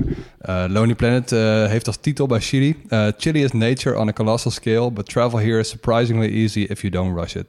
Leon, klopt? Absoluut, je moet echt geen haast hebben. Want dan... Ja. dan en je, je doet jezelf tekort en het land, want het is er veel te mooi. Maar het is, je moet altijd, je, je kan nooit van A naar B met een directe lijn. Er is altijd een gletsjer of een berg of een, of Ja. een fjord of iets waar je omheen moet, zeg maar. Maar ja, goed, aan de andere kant... het is wel allemaal goed te bereiken... want het is gewoon nergens heel erg breed. Klopt. Ja, het is gewoon van, van A naar B wel wat dat betreft. Ja. Ik zag ergens, het is gemiddeld maar 180 kilometer breed. Ja, het land. Chili. Wat wel mooi is, je hebt daar de highway nummer 5. Eh, die loopt van de Peruaanse grens tot diep in het zuiden. Precies in het midden van het land. Dus dat is echt perfect, weet je wel. Je hebt gewoon zo'n kaarsrechte weg. Ja. Nou, niet echt Als je kaarsrecht, Chili wil zien, moet je die gewoon afrijden. Ja, en dan kun je links kijken, zie je de zee. En rechts kijken, zie je bergen. Ja. Ja, dus, eh, dus die, eh, die, die highway, die gaan we ook gewoon even van noord naar zuid rijden. Eh, in dit geval, als je dus links kijkt, zie je bergen en rechts zie je de zee. Nou. Ehm, als je dus binnenkomt vanuit Peru, stel je dat je dat doet, dan is het niet meteen het gast, gastvrije klimaat als je, als je in het noorden binnenkomt. Voordeel is wel, je rijdt natuurlijk recht die Atacama binnen. Meeste toerisme daar gaat via San Pedro de Atacama. Leon, Ja, geweest? absoluut. Een mooi vinklijstje dit. Ja, ja. Maar dat was wel echt... Ik dacht, holy moly, het is hier mooi, hè? Ja. Want er zijn ook gewoon best wel veel woestijnen... die gewoon niet super spannend zijn. We hebben het in de Gobi volgens mij ook over gehad. Die is natuurlijk wel somm- sommige stukken wel mooi... maar in hele grote delen ook niet zo spannend. Volgens mij is die Atacama overal wel best wel mooi. Ja, en wat je dan dus bij dat soort momenten en plekken hebt, is dan ga je daarheen en denk je, oké, woestijn, hoe vet kan het nou zijn? Dan krijg je een beetje van die hele grote kolossen steen die dan midden in het landschap staan, weet je wel? Die sowieso best wel vet zijn. Maar ook, dan praat je met iemand en die zegt, oh, je moet eh, trouwens eventjes de zonsondergang bekijken, want die is hier super mooi. En dan denk je, zonsondergang, hoe mooi kan het nou zijn? En dan, omdat je een of andere manier, er gebeurt daar iets in dat landschap en dan wordt die lucht honderd kleuren. Ja, ja. En dan, heb je gewoon, dan zit je te kijken en denk je, wat is dit nou? En dat krijg je dan ook allemaal cadeau, zeg Ja, maar. ja. Dat, soort, dat soort elementen. Wat wel vet is trouwens, je hebt daar die, toch die, als je die blue skies hebt, weet je, ook gewoon s'avonds. Eh die Atacama is een super goede plek voor astrotourisme. Ja. Waar mensen allemaal, je hebt overal sterrenwachten en zo. En dan gaan mensen allemaal sterren kijken. Ja, goeie. Ehm, Ja, wel- die, die telescoop daar, een van de grootste van de wereld, die heeft ook echt een fantastische naam. nou? Very Large Telescope. Serieus? Serieus, 100% heet hij gewoon. Very Large goed. telego- Die moeten ze Telescope. in de Central African Republic neerzetten. Ehm, de nieuwe president, Gabriel Boric, hebben we ook nog niet genoemd trouwens. Eh, die heeft ook gezegd dat ze dat dus een nationaal park gaan maken. Omdat het gewoon zo mooi is. Eens in de zoveel jaar gaat dat dan een keer bloeien. Ehm, dus dat gaan ze doen. Dat is op zich wel mooi. Eh, wat wel ook wel mooi is over die Atacama. Je hebt er ook een gigantische linkerhand staan. La Mano del Desierto. Die is 11 meter hoog. Eh, Die is gewoon gemaakt door iemand. En eh, het symboliseert de nederigheid van de mens in de woeste natuur. Eh, de maker is Mario Irarrazabal. Die, die heeft het ontworpen als een tegenhanger van een rechterhand. Gigantische rechterhand. Die staat ergens in Uruguay. dus die man denkt in het groot. Nou, verder heb je nog van die mini-lagunes. Knalblauw water midden in die zoutvlaktes. Het is echt een soort van dode zee. Ja, het lijkt me een waanzinnige plek. Nou, dan gaan we verder naar het zuiden. En het mooie is, ehm, als je dus die Atacama een beetje gepasseerd bent... en ook in, bij de grens van Argentinië... dat zijn ook van die plekken waar je het makkelijkst op, op 6000 meter kan komen. Hè, dus je hebt daar eh, de hoogste, ongeveer alles van de wereld. Dus eh, weet ik veel, hoogste dorpje, hoogste weg, hoogste snelweg... hoogste postkantoor, noem maar wat. En dus ook een 6000 die, die ook wel bekend staat... als de makkelijkste 6000 die je kan, kan beklimmen. San Francisco heet die. Ehm, en je kunt natuurlijk ook overal wintersporten. Want ja, je hebt gewoon best wel veel sneeuw ook. Ja. Ja, je Nou. kan skiën en surfen in één dag, als het goed is. Als Ja, nee, serieus. Ja. Ehm enig is alleen wel water. Best wel koud. kan ik je, Ja. dat kan ik je ook. Ik heb daar, we hebben uiteindelijk twee weken gezeten in een plaatsje dat heet Pichilemu. En daar hebben we heel veel gesurfd, gewoon voor elke dag. Ja. Dat is koud, vriendin. Ja. Oh. Ja, Terwijl het, weer waarschijnlijk best wel lekker Het is is. super lekker weer, Ja. maar het is gewoon, dat water is gewoon freezing. Ja. Ja, je hebt hier die Humboldt-stroom. Dus die, Ja. die, die stroomt van zuid naar noord. Dus dat is water vanuit Ar- Antarctisch gebied Ja. wat omhoog stroomt. Ja. In ieder geval, we gaan het even over de steden hebben. Eh, niet Santiago, wel me dat echt wel best wel een gezellige stad lijkt eigenlijk. Ehm, maar als je op de kaart kijkt en je ziet Santiago liggen... dan lijkt het ook alsof het een soort van kustplaats heeft. En voor wie dan denkt dat het is een soort van Zandvoort voor Amsterdam... Nee, eh, dat Valparaiso is echt vet mooi. Ja? Ja, het is ook niet echt een badplaats, meer een havenstad. Dus er, er gebeurt ook wel wat. Uh, maar het is echt zo'n plek die alles heeft om veel te lang te blijven hangen als toerist. Het is ook een beetje net zo groot als Utrecht ongeveer. Elk huis lijkt in een andere kleur geschilderd. Uh, je hebt van die kronkelende straatjes. Alles zit vol met street art. Uh, sowieso heel veel kunst in het openbaar. Veel markten, mooie pleinen en een strand. Nou ja, Ja. Oké. moet ik nog even doorgaan? Ja, ja ik weet al wel waar ik heen ga. Nou, precies. Uh, je hebt uh, Lan Sebastiana. Dat is uh, meer aan de buitenkant van de stad. Staat ook bovenop een heuvel. Uh, dat is het huis van Pablo Neruda. uh, een politicus die vooral ook dichter was. Uh, Nobelprijs voor de literatuur uh, won. Nou, rijden we dan verder naar het zuiden. Nog verder naar het zuiden. Dan kom je natuurlijk richting het machtige Patagonië. Maar niet voordat je door het vulkanische Lake District komt. En dan ben je zelfs de wereldberoemde Chileense weienregio's al, uh, al gepasseerd. Dat Lake District is wel mooi trouwens. Voordeel daarvan is dat als je heel veel van die losse vulkanen hebt, van die machtige bergen, die je dan vanaf zo'n meer ziet. Dus je hebt bijvoorbeeld het meer van Junkie Way. Uh, moest een beetje denken aan de meren rondom bijvoorbeeld Mount Hood in, uh, in Oregon. Mhm. Of uh, de Fuji in Japan. Heb je ook van die mooie foto's van, Ja. weet je wel? Dat, ja, ook een beetje aan Bled in Slovenië. Ja. Dat is dan weer geen vulkaan. Nee. Maar dat is een beetje de, de orde van grootte. En goed, dan kom je nog in, in Patagonië, maar daar hebben we het net over gehad. Over het algemeen vond ik wel als een soort van vuistregel... Uh, het Argentijnse deel van Patagonië is groter. Het Chileense is makkelijker bereikbaar. Nou, maar ik ga ik toch even inbreken op, jou, uh, op het einde van jouw toeristische stukje. Want je hebt één, eigenlijk twee dingen niet genoemd. Namelijk, uh, je hebt wel meer dingen niet genoemd, maar twee dingen die ik hier even wil noemen. Je hebt dus die weg, kan je dus nog verder naar het zuiden nemen. Dan kom je op de Carretera Austral. En dat is eigenlijk een vrij onherbergzame weg die echt slingert door Patagonië heen. En dan kom je echt langs de prachtigste plek op aarde. Maar snelheid moet je daar niet hebben. Je moet daar echt genieten van het uitzicht. Mm. En een van de plekken waar je dan langs komt, dat zijn de Marble Caves. Dat is een hele mooie soort blauwe grotten waar je echt... Nou, je moet daar best wel voor omrijden om daar te komen. En, en daar zit een luguber, maar wel ook wel weer een heel typisch verhaal aan vast. Want daar is namelijk een man overleden. Uh, een aantal jaar geleden, volgens mij 2015 uit mijn hoofd. En hij was de oprichter en eigenaar van North Face. Oh. Je kent allemaal North Face, dat, dat, uh, Ja. dat uh, de kledingmerk, bla bla. En weet je met wie hij toen was getrouwd? Met de oprichter van het merk Patagonia? Ja, Nee joh. 100% waar. Nee joh. Ja, Ook wilde gok dit. ja nou, goed gegokt. Oké. Maar het is toch bizar dat zeg maar, de, eh, de man die zoveel hield van outgoing, ecologisch eh, toerisme en zo... is omgekomen in een van de allermooiste grotten van de wereld... die in Patagonië ligt. Terwijl Ja. hij getrouwd is met de eigenaar van het merk Patagonia. Ja, Ja, gestoord ik wist sowieso niet Ja. over de connectie, connectie tussen die merken. Nee, Dus- nou bij deze. Ja, oké. Bizar. Ja, nou dan de economie waar ik jullie in ga meenemen. Want Chili is natuurlijk een van de meest welvarende landen van eh, Zuid-Amerika. En echt een leider in de hele regio op het gebied van, komt die, concurrentie, inkomen per hoofd van de bevolking, globalisering, economische vrijheid en corruptie. Lage corruptie. Dus goed. Goede kant van de ja. corruptieschaal. Ik dacht al dat het alleen maar goed nieuwsshow zou worden. Nee, mooi niet. Eh, ja, dat is wel. Nou, maar wat jij net zei is dus nog steeds heel erg het geval. Hè? Het heeft nog steeds een relatief hoge economische ongelijkheid. Relatief vergeleken met de rest van de wereld, maar niet vergeleken met de regio. Want heel Zuid-Amerika, een beetje gechargeerd, een groot deel van Zuid-Amerika is op de Gini-coëfficiënt van ongelijkheid scoren zij best wel slecht. Dus heel Mhm. ongelijke landen zijn dat. Ja, Brazilië aan kop waarschijnlijk. Ja. Ehm, in 2006 eh, werd Chili het land in heel Zuid-Amerika met de hoogste BBP per hoofd van de bevolking. Dus eh, ja, de rijkste, hoe je dat wil meten. Dat is, dit is een van de manieren hoe je dat kan meten. En in 2010, dus vier jaar later, was het ook het eerste Zuid-Amerikaanse land dat toetrad tot de Organisatie van Economische Samenwerking en Ontwikkeling.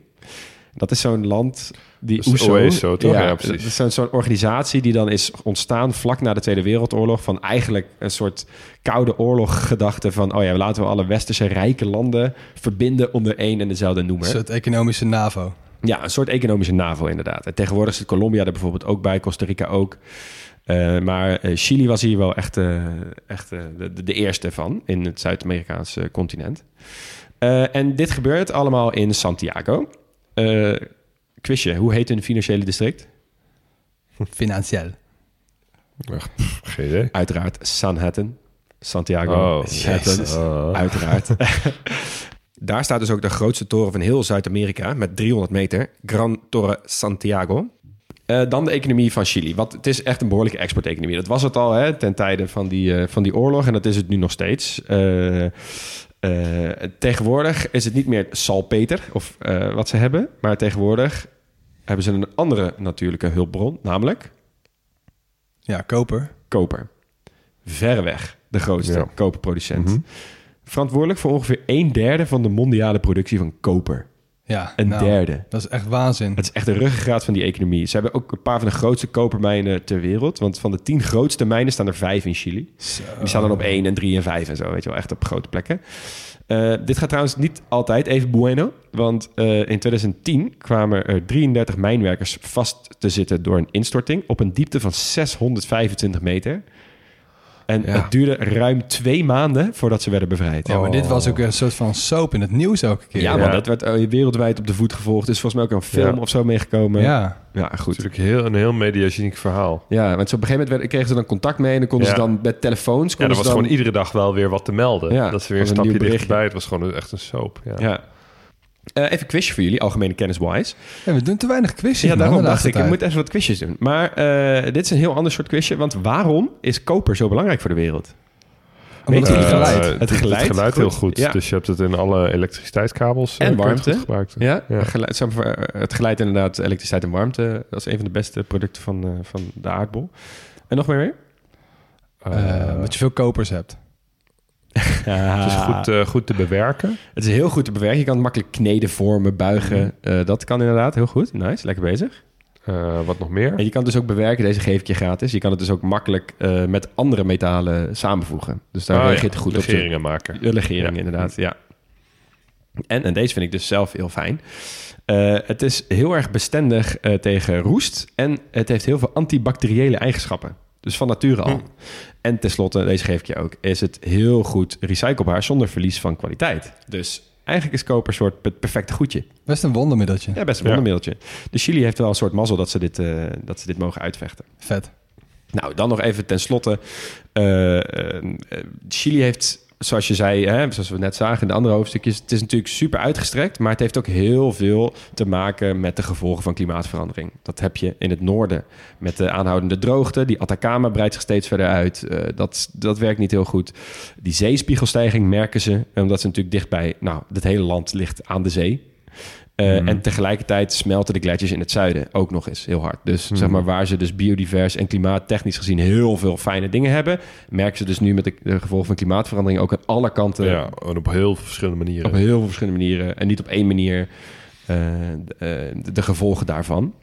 Ehm, maar goed, maar ondanks dus die liefde voor die fossiele brandstoffen en, eh, en koperwinning, hebben ze de afgelopen jaren die energietransitie best wel versneld. Ook politiek veel steun voor gehad.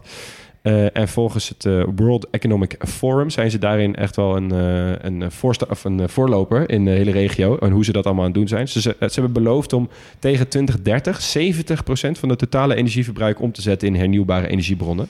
En in 2050 willen ze ook CO2-neutraal worden. Dus laten we met z'n allen hopen dat het gezien de prachtige natuur die ze hebben, dat het ze dan ook lukt. Ja, maar goed, eh, de kaarten zijn ze wel goed gedeeld. Hè? Kijk, eh, ook zo'n land als IJsland of zo, die dan 100% heeft. Die hebben wel geothermiek en zo, dat is wel wat ander verhaal. Maar ehm, ze hebben bergen, Ja. Chili, met ijs en sneeuw Mm. en regen en alles. En ze hebben zon in de Atacama. Nou, Ja. dan... eh, En ze zijn dus inderdaad ook bezig met hele grote zonnepaneelvelden in de Atacama. Eh, ik denk eerlijk gezegd dat ze niet heel happig zijn om het bouwen van dammen of, of waterinstallaties in eh, Patagonië vanwege al die andere redenen. Eh, maar ze zijn dus in ieder geval wel bezig met groene energie in, in, in die woestijn. Ja, al die andere redenen. Je bedoelt aardbevingen en zo. Ja, die die dammen kapot maken. ja, ja, Hm, ja. ja, goed punt.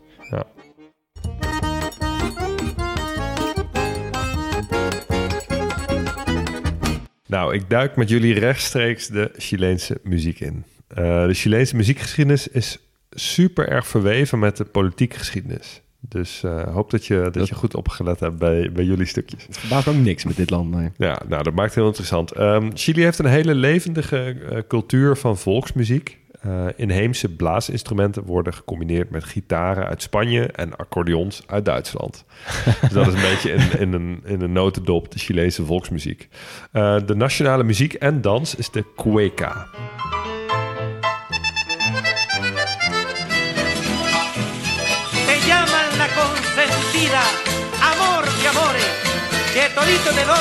Ja, dit klinkt wel echt als je dan over zo'n straat loopt en je hoort dit uit een gebouw, dan moet je daarheen. Ja, ja, Dan, ja, dan heb je eigenlijk nog geen honger, maar dan wil je gewoon daar een hapje gaan eten omdat Ja. het zo gezellig is. ja, je maakt plannen voor de avond en dan hoor je dit en dan denk je, oké, plannen overboord. Kan heel anders lopen. Ja. Nee, serieus toch? Ja, Ja.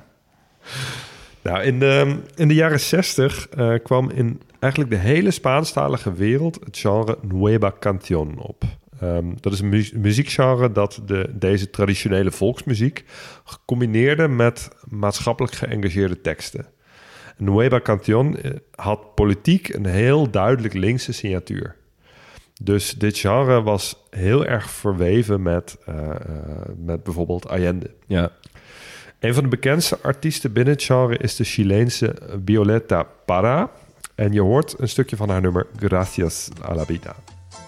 Gracias a la vida que me ha dado tanto, me dio dos luceros. Oké, vadootje. Ja, ja ik, bijna wel. Meteen een, hele groep mensen beledigd bij deze, maar oké. Ook dat is de grote snap wel een beetje. Ja. Eh, een ander voorbeeld uit het genre van een, eh, een hele activi- activistische muzikant is eh. Ehm, je hoort een stukje van het, het lied El Derecho de Vivir en Paz. Dus het recht om in vrede te leven.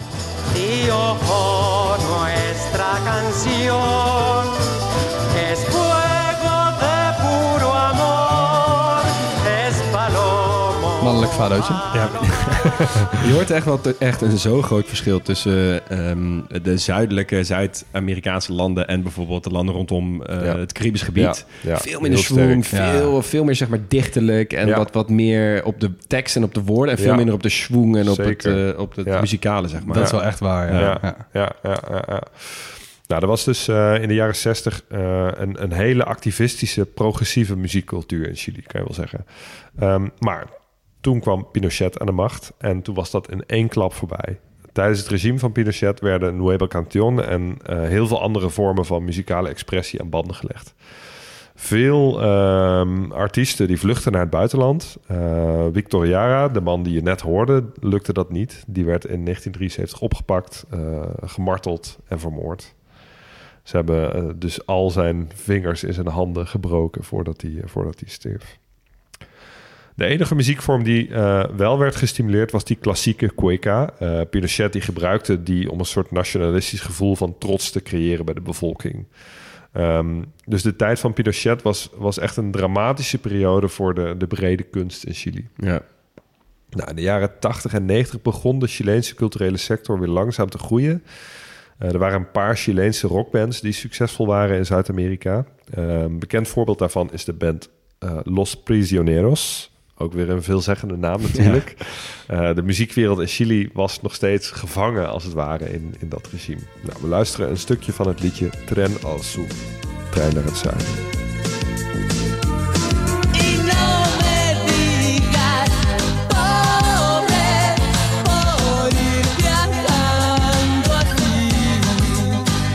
Ik, ik identificeer dit meteen inderdaad. Eind jaren 80, begin Ja. jaren 90. Die beetje zo basic beat, beepjes Ja. eronder. Die zieke Ja. synthesizer Ja, erbij. ja. ja, inderdaad. Ja, dit nummer was inderdaad uit, uit 1990, dus het jaar van de machtswisseling.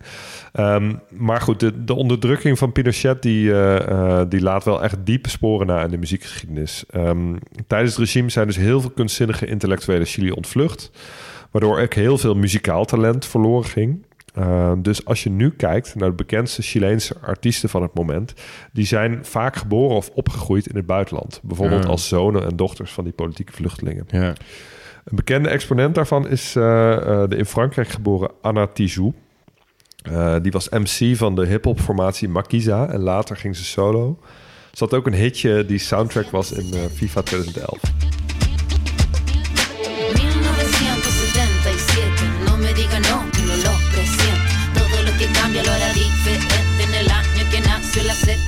Ja, ik hou dus van best wel harde Spaanstalige hip-hop, waar je Ja. de woorden goed hoort. Het klinkt Ja. meteen zo gevaarlijk, vind je Ja, niet? maar jullie, tenminste, je zeiden eh, Chileens, Spa- Spaans is niet zo goed Ja, verstaanbaar. maar het is nog steeds wel Spaans natuurlijk. Ja, maar dit, dit kon ik toch wel redelijk goed volgen. Ja, ja, Ja, ja, ja. same. Ja, maar, maar kende je haar? Nee, ik heb er nog nooit Dan- van gehoord. nou, als je hiervan houdt, dan ga je haar wel tof vinden. Ja.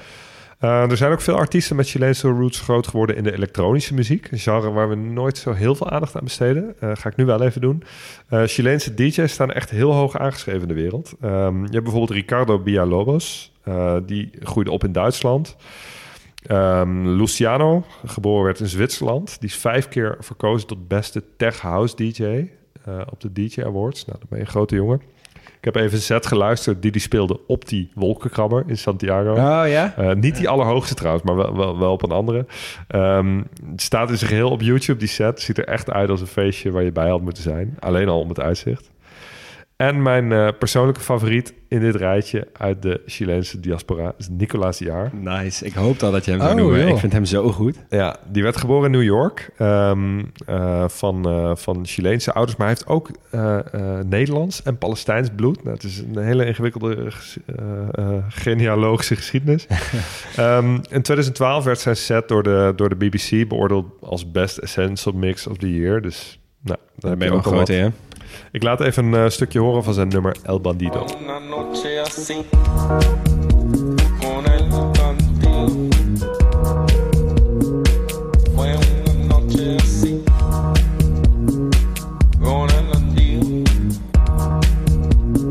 Ja, ik, heb, ik heb Nicolas Jaar een keer live mogen zien op Lowland. Een set Mhm. van een uur. Wow, dat is echt... Dan, hij is zo experimenteel bezig met zijn muziek en ik hou daarvan. Want hij doet nooit, bijna nooit hetzelfde achter elkaar. Dus hij maakt gekke dingen, doet hij halverwege zijn muziek. En nu was dus halverwege zijn set, pakt hij in één keer een soort dwarsfluit. En begon hij gewoon vijf minuten lang een dwarsfluit solo... waar steeds meer beat en steeds meer geluid bij kwam. Ja, En je zag zeg maar echt zo 20% van de zaal soort om voor zich uitkijken en denken, oké, wat ben ik aan het doen? En die liepen weg. En steeds meer anderen, en ik ook, liepen steeds meer naar voren. Zo van, oké, wat gaat er gebeuren? Wat, wat, wat gebeurt hier? Ah, heel erg geïntrigeerd door, door zijn muziekstijl. Ik Ja. vind het wel Ja. heel leuk. Mag Ja, het ook vet. graag. Ja. Nou, ik sluit niet af voordat ik het heel even genoemd heb. eh, de Chileense literatuur. Eh, niet, eh, niet, niet te onderschatten. Ehm, er sta- staan er een aantal heel hoog aangeschreven internationaal. Isabel Allende is zonder twijfel de bekendste. Eh, het nichtje van eh, Salvador Allende. Ik wou net zeggen, is je familie Eh, van? Ik achternichtje, ja. En een van de best verkopende auteurs ter wereld. Ja. Ja, en Pablo Neruda natuurlijk, die jij hebt genoemd, eh, Max. Ja, die ook voor omgekomen is. Hè, in het, eh, Ja, ja dus, eh, vlak na de, de overname. Een van de Ja. betere vrienden trouwens van Salvador Allende. Ik vind het altijd wel mooi om te zien dat die in Zuid-Amerika zijn die lui hebben echt veel meer waarde aan hun schrijvers en hun eh, dichters, vooral dichters, dan Mhm. dat wij dat hebben. Gabriel Ja. Garcia Marquez, die hebben we gezien in Colombia, maar ook hier en in Argentinië zullen we dat ook ongetwijfeld Ja. nog tegenkomen. Ja, het, het huis van Harry Mulisch is hier niet een nationale toeristische attractie. Nee, nee, nee, ja, ik weet niet of het daar ook per se dat is, maar zij hechten heel veel waarde zijn aan in hun ieder geval dichters. echte helden. Ja, Ja, echte Ja. nationale En helden. ook wel gewoon Nobelprijswinnaars. hè? precies. Ja, Ja, ja. en in Chili heeft dat natuurlijk een extra tintje, omdat eh, eigenlijk de meeste Chileense kunstenaars eh, gewoon heel nauw verwant waren aan het regime van Allende. Ja. En dus heel erg tegen eh, eh, het regime van Pinochet, waar niemand graag meer aan terugdenkt. Nee, ja, precies. Ja. Ja. Weet je wie ook kunstenaars zijn trouwens? Eh, de, koks. ja, want de Chileense keuken is natuurlijk fantastisch. Het is een, echt een, weer een klassieke smeltkroes van eh, traditionele inheemse ingrediënten, Europese invloeden en wijn. Ja, maar ik verwacht geen gefrituurde eh, nee, nee, nee, bakbananen en Nee, nee, nee. Kijk, je moet echt net als met de muziek, zeg maar, waar de muziek leuker wordt naarmate hij naar het noorden gaat, in mijn persoonlijke Wordt het ervaring. eten beter? Wordt het eten beter als je naar het zuiden gaat. Kijk, Ja. als je vlees- en een viseter bent, dan kom je in Zuid, eh, Zuid, Zuid-Amerika behoorlijk aan je trekken. Ehm, ze, hebben daar zoveel focus op alles wat leeft, zeg maar, om dat te eten. Dus ik ga jullie ook even meenemen in hoe die keuken daar een beetje eruit ziet. Ehm, toen ik daar was, toen was dat ook echt fantastisch. Want wij zaten twee weken dus in een eh servicedorpje eh, in de buurt bij Santiago. En wat die gasten dan gewoon doen, wij sliepen daar in het huis bij een local. En die gaan dan gewoon, s smiddags pakken ze gewoon een jetski met twee hengels. En dan gaan ze met z'n tweeën zo, zo de oceaan op. En dan vangen ze gewoon een unit van een vis, eentje, want je hebt er maar één nodig. Die brengen ze dan thuis en die gooien ze dan in zijn geheel gewoon op de barbecue. Of zoals het daar heet, een assado. Eh, en dan na een tijdje, dan draaien ze die vis om. En dan trekken ze die huid eraf. En dan staat iedereen gewoon om die assado heen. En dan pak je gewoon stukjes vis. Terwijl ze het net zijn gekruid en met citroen. En dat is het echt het lekkerste wat je in tijden eet. Je staat daar gewoon met een biertje in je hand. En je pakt gewoon Ja. met je hand stukken vis van de barbecue af, zeg Ja. maar. Ja, Oh, dan voel je je vrij, inderdaad. Ja. Ehm, maar wat ze dus ook hebben, ook een beetje in, dit, in, in deze lijn, is curanto. Dat is een bijzonder, bijzonder gerecht. Er zijn hele filmpjes van op YouTube over hoe je dat maakt. Waarbij ze dus vlees, zeevruchten, aardappels en groenten allemaal samengooien in een gat in de grond. En eh, dan graven ze gewoon een gat, dan gooien ze alles in. En dan doen ze dat, dat, die grond is dan bedekt met bladeren, zeg maar. Dat is niet op het zand, maar op die bladeren. En daar overheen gooien ze dan dus hete stenen en nog meer bladeren. En dat laten ze dan liggen. En dan uiteindelijk gooien ze die, die stenen eraf. En dan gaat iedereen daar omheen zitten als een soort ja, kampvuurtje. En dan pak je dus gewoon het vlees en de vis, pak je daar gewoon vanaf. En dan eet je dat gewoon met je handen. En dat is dus echt duizenden jaren oud, die traditie. En dat komt eh, origineel van het eiland Chiloé. Dat is het grootste eiland van Chili, volgens mij nu niet eens genoemd. Die ligt Nee. ongeveer halverwege. Kan je ook heen als je toerist bent en zin hebt in kleurige huisjes. Ehm, een ander traditioneel gerecht, ook met heel veel vis, is paella marina. Eh, een soort vissoep eh, in een aardewerken kom met heel veel schelpdieren. Dus eh, je gooit ze gewoon helemaal rammend vol met alles wat je kan vinden in de zee wat maar een schelp heeft. Eh, en ook wederom hier kan je daar gewoon omheen zitten en eet je dat gewoon met je handen of gewoon met mensen, zeg maar een soort ja, samengerecht, zoals je dat samen kan eten. Heel gezellig. Mooi. Verder doen ze heel veel met mais. En eh, helemaal als Nederlander of als Europeaan verkijk je niet op het eh, Chileense woord voor mais, want dat is namelijk choclo. En dat klinkt voor heel veel mensen als choco. Maar het is dus geen chocolade, het is mais. Dus alles waar choclo op staat, is met mais. Dus empanadas, je hebt pastel de choclo, dat is een soort pastijtje. Eh humitas heb je ook, die eh, hebben we ook behandeld in Guatemala. Alleen daar heet het tamales. Eh, het is een soort van die pakketjes die ze dan maken. Want van mais kan je natuurlijk alles maken. Hè? Ja. Dus, dus de buitenkant is mais en de binnenin zit mais. En daarin zit dan nog allemaal andere ingrediënten verwerkt. Ja, dat is best, wel, best wel lekker. Nou, dan de drankjes. Eh, ja, we hebben hem laatst al behandeld bij Peru, zoals wel meerdere dingen. Eh, maar we moeten hem hier ook zeggen, want anders dan krijg ik alle Chilenen op het dak. De pisco. Ja. Ja. Eh, het is een beetje, we hebben meerdere van dit soort battles tegen. Het is een beetje de Jollof of de hummus van, eh, van deze regio in Zuid-Amerika. De baklava. De baklava. eh, want eh, Peru als Chili claimt het. Chili zegt wij, wij maken het al langer. Peru zegt wij maken het eh, beter. Eh, dat is een beetje gechargeerd in de discussie die ze hebben. En het is zelfs zo erg dat de Peruviaanse pisco mag eh, niet als pisco verkocht worden in Chili. Er zijn gewoon wetten voor. Ja. Eh, weet je wel, dat, daar ga je alweer. Nou goed. Daarna, de crème de la crème van Chili, van de export. Van wat zij natuurlijk het allermooiste vinden om hun zelf mee te vergelijken. Behalve dan de koper, denk ik, is de Ja. wijn. Ja, We hebben er net, net eentje soldaat We gemaakt. hebben er net een, een Unduragaatje opengemaakt, een Cabernet Sauvignon. Dus ze zijn er heel goed in. Chili is na Frankrijk, Italië en Spanje de grootste wijnexporteur van de wereld. Ja, en toch wel eh, de succesvolste van de nieuwe wereld dan. Ja, je, je zegt nieuwe wereld, maar ze, ze doen het al sinds de, Spaanse, sinds de Spanjaarden daar zaten. Dus Ja. ze doen het al heel lang. Maar Ja, vroeger hadden ze, eh, stonden ze bekend als zeg maar goedkoop, snel, slechte wijn maken. Maar daar hebben ze een Mhm. hele snelle inhaalslag mee gemaakt. Eh, ehm, qua productie overigens staan ze zevende. Dus exporteur vierde, maar productie zevende. Ja. Eh, Dat is logisch. Dat is die logisch. Fransen die zuipen alles zelf op. Ja, niet. Ja, ja. We hebben Amerikanen Ja, die dus staan ons nog wel hoog, ook. maar goed. Amerikanen staan niet altijd best wel hoog ook. Eh, maar dat komt natuurlijk omdat ze echt alles hebben qua temperatuur, ondergrond. Ze hebben een unieke situatie met een heel snel oplopende bergketen vlak bij de zee. Nou, dat is voor wijn natuurlijk fantastisch. Eh, en het is zelfs zo uniek dat zij een van de weinige regio's ter wereld zijn die nooit last hebben gehad van de druifluis. Oh, ja. Oh, ja. Hebben jullie ooit gehoord over de druifluis? Nee, maar wel dat, dat druivenrassen heel gevoelig zijn voor allerlei ziektes Nou, en plagen. en Dit is dus, je hebt toch soms met je onderzoek dat je een heel klein deurtje opentrekt en dat je denkt, druifluis, ga ik dit googlen? En dat je dan googelt en dat je dan op een Wikipedia-pagina van echt dat, dat was dit. Ga ik hier echt mijn hoofdstukje Ja. aan besteden? Ja, ik ga dit gewoon doen. Nou, één zinnetje daarover. Eh, er was dus in de tweede helft van de 19e eeuw heeft de druifluis bijna alle wijngaarden van Europa verwoest. Er was gewoon, stond bijna niks meer. En het was zelfs zo erg dat zeg maar, ze moesten, ze gingen echt alles doen om te kijken, oké, hoe kunnen we dit verbeteren? En uiteindelijk kwamen er allemaal stokken uit Amerika, waar die druifluis dus minder gevoelig voor was. En toen kwam er dus een nieuw soort race. Wie als eerste die stokken kon neerzetten op zijn wijngaard. Want die kon als eerste weer bovenop die, eh, die crisis komen. Mm. En kon als eerste weer beginnen met een goede productie. Ja, als het ge- gegarandeerde afzet, als het eenmaal klaar Ja, is. als het helemaal klaar is. Maar Ja. daardoor zijn dus, is er dus een gigantische shift gebeurd in heel wijnproductieland. Want er waren gewoon grote wijnhuizen die zijn toen gewoon ja, failliet gegaan of gewoon gestorven. En er zijn heel andere zijn opgekomen door die druifluis. Klinkt nog steeds wel een beetje als een scheldwoord uit de Donald Duck. druifluis. Ze hebben allerlei soorten druiven en wijnen. eh, van warm weerwijnen tot koel klimaatwijnen. Ehm, ik wist het verschil eigenlijk niet zo goed. Wisten het verschil? Weten jullie het verschil? Nee, eigenlijk niet zo. Mm, Ze hebben nee. de druiven uit koelere streken en de druiven uit warmere streken. Warmere streken smaak. lijken me pittiger dan. Ja, nou, het is dus druiven. smaak, denk ik. Ja, druiven uit koelere streken die rijpen doorgaans niet zo snel. En dat resulteert in de lagere natuurlijke suikers en een hogere zuurgraad. Dus dan krijg je woorden als elegant, genuanceerd, fris. Ah, ja, precies. Warmere, eh, wij- warmere druiven, dus meer zonneschijn, constanter weer. Over Ja. het algemeen, een langere rijpingsperiode. Betekent dus voller, meer smaken, snellere rijpen, eh, meer suikers, hoger alcohol. Eh, En dan krijg je dus van die dingen als eh, smaken als pruimen, bosbessen en eh chocoladetonen in de wijn. Weet je wel, dat soort woorden. En dan bedoel je eigenlijk mais. Nou, dan mijn allerlaatste verhaaltje Het gaat over een traditie die ze hebben met eten. Dat vind ik altijd leuk als lui zeg maar, iets anders hebben dan ontbijt, lunch, avondeten. En je hebt dus in Chili heb je de traditie van once. En once is een soort extra maaltijd die je ergens tussen vijf uur 's middags en negen uur 's avonds neemt. Wat heel raar is. Niet want- om 11 uur? Precies, want onze betekent 11 uur. Eh, Dus ik ging eens onderzoeken waarom heet het dan onze. Want het is niet s'avonds of 's ochtends wordt het niet gegeten. Maar dat komt dus van, de, van onder andere de mijnwerkers van vroeger. En die wilden als tussendoortje voor het werken... wilden ze een beetje alcoholisch brandwater. Oftewel aguardiente.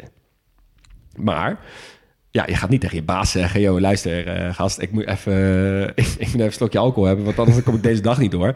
Dus wat ze dus deden, dan gingen ze met elkaar... zeiden ze, oh ja, wij moeten onze. Dus we, eh, in plaats van dat je het, het woord aguardiente zegt... zeg je het aantal letters dat in het woord aguardiente zit... en dat is 11. Oh joh. Als een soort code onderling. ja. En dan zeiden ze, hey, we hebben onze. En dat is dus uitgegroeid naar een soort... eh, mid- borreltje, ja. ja, een soort snack die ze dus hebben. En eh, sommige Chilenen die eten het niet. En veel Chilenen eten het als een soort laatste maaltijd van de dag. al- In plaats van, of zelfs na, een, een typisch diner. En het is gewoon toast met jam of met worst of met kaas of met paté. Het is echt gewoon één toastje. een maar geen glaasje alcohol erbij meer. Nee, dat zit Nee, niet meer. Het is koffie of thee. Dat deden alleen de mijnwerkers. Ja. Goeie. Zet vier uur kopje soep. Lekker. Nou, mooi.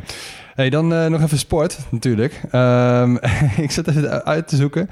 En eh, ik dacht wel, als je een sportpaspoortje maakt van dit land... dan kun je ook meteen wel het land aanwijzen. Of in ieder geval de regio. Want populairste sport, voetbal. Medium goed met uitschieters naar boven. Succesvolst zijn ze in tennis. Medium goed in atletiek ook, paardensport en boksen. Nationale sport, rodeo. Dus dan snap je een beetje de hoek Ja. van de wereld. Nou, ik ga het eh, over veel van deze wel eventjes eh, kort of iets minder kort hebben. Maar eerst, hoeveel goud? Oeh, vijf, mm, der- nee, nee, vij- ja, 35. Eh 15. Dos. Wat? Oh. Zo slecht? Ja. Oh, had ik niet verwacht. Allebei tennis op de Spelen van 2004 in Athene. Oh ja, Nicolas Massou en eh, Fernando González pakten samen twee keer goud, één keer brons. Eh, een andere tennisser die je zou kunnen kennen uit, eh, uit Chili is Marcelo Rios. Het zijn allemaal van die gravelkoningen altijd, hè? Die, die Chilenen. Ja, jij zegt het. maar goed, de rest van de mensen die je zou kunnen kennen in uit het tenniswereldje zijn wel echt heel lang geleden. Eh, ze hebben wel aan bijna alle spelen meegedaan. Geldt ook voor de winterspelen. Nooit een medaille gewonnen. In totaal hebben zij maar 13 medailles gewonnen. En daar staan ze 87ste mee. Onder Armenië, Mongolië, Kosovo en Cameroen, Pakistan en Zimbabwe. Wauw, dat valt me heel vies was het tegen. Dus we moeten Ja. wel een beetje kritisch zijn op Chili. Ja, voor zo'n eh, voor zo'n rijk land. Dat is toch best wel raar ik vind het eigenlijk. ook raar. Ja, misschien moeten ze iets minder bezig zijn met politieke protesten en iets meer met, weet ik veel, speerwerpen of zo.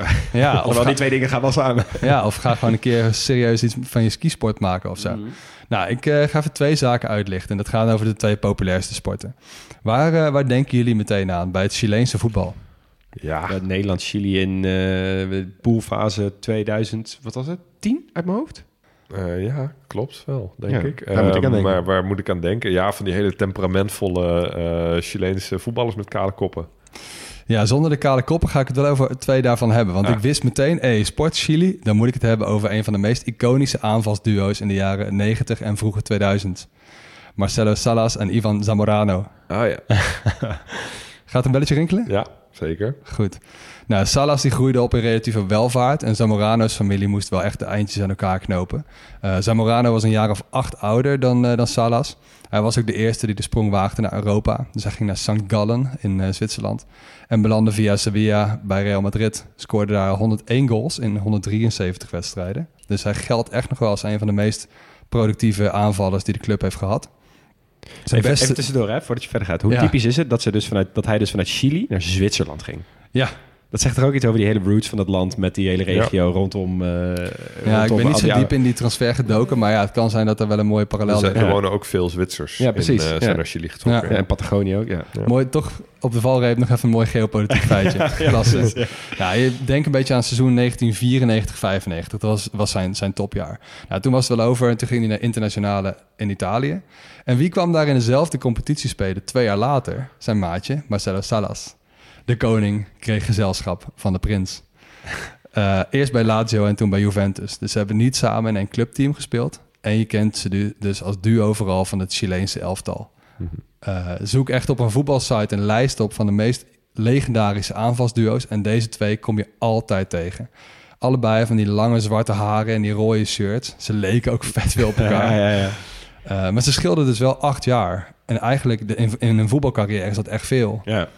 Eh, maar hele toch, ja. allebei liepen ze dus wel echt één op twee. Hè? Dus eh, één goal per twee wedstrijden bij hun interlands. Dus eh, ja, dat is echt wel lekker voor een land als Chili. Ja. Ook chill dat ze goed samen eh, eh, konden. Want wij hadden met Nederlands elftal in die periode hadden we ook supergoeie spitsen. Maar Ja. hè, moest je dan Kluivert en Van Nistelrooy en Van Hooijdonk en Hasselbank opstellen. dat, dat ging allemaal niet. Dit was gewoon jarenlang die twee en daarna ging je de rest van het elftal klaar. bouwen. Geen discussie. Precies. Nou, mooie bijnamen. Ivan de Verschrikkelijke, natuurlijk. En Bam Bam noemden ze hem ook wel, Zamorano. En Salas noemden ze El Matador. En samen werden ze wel Saza genoemd, van Salas Zamorano. Goeie, ja.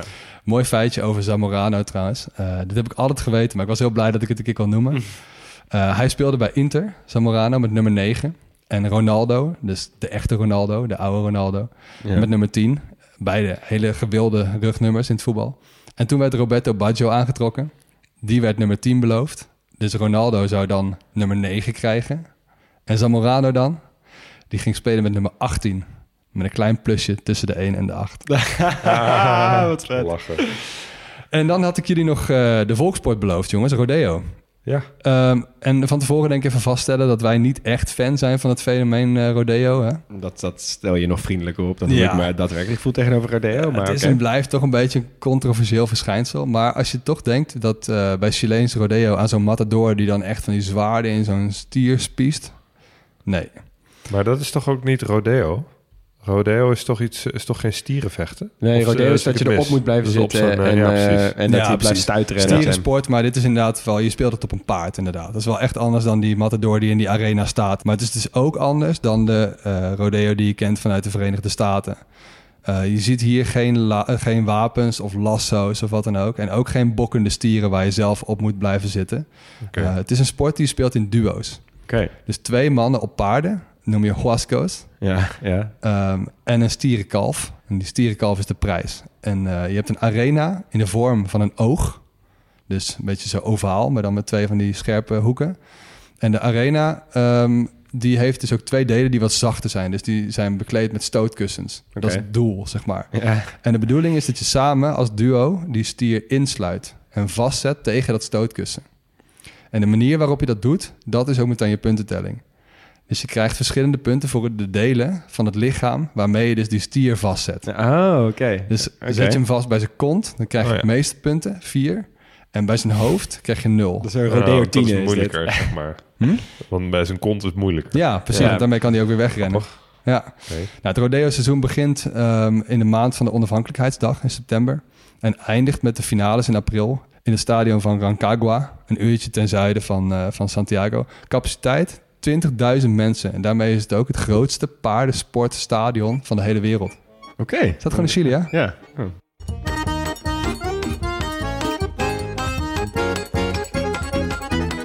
Ja, de onmogelijke vraag der onmogelijke vragen. Wat maakt dit land uniek?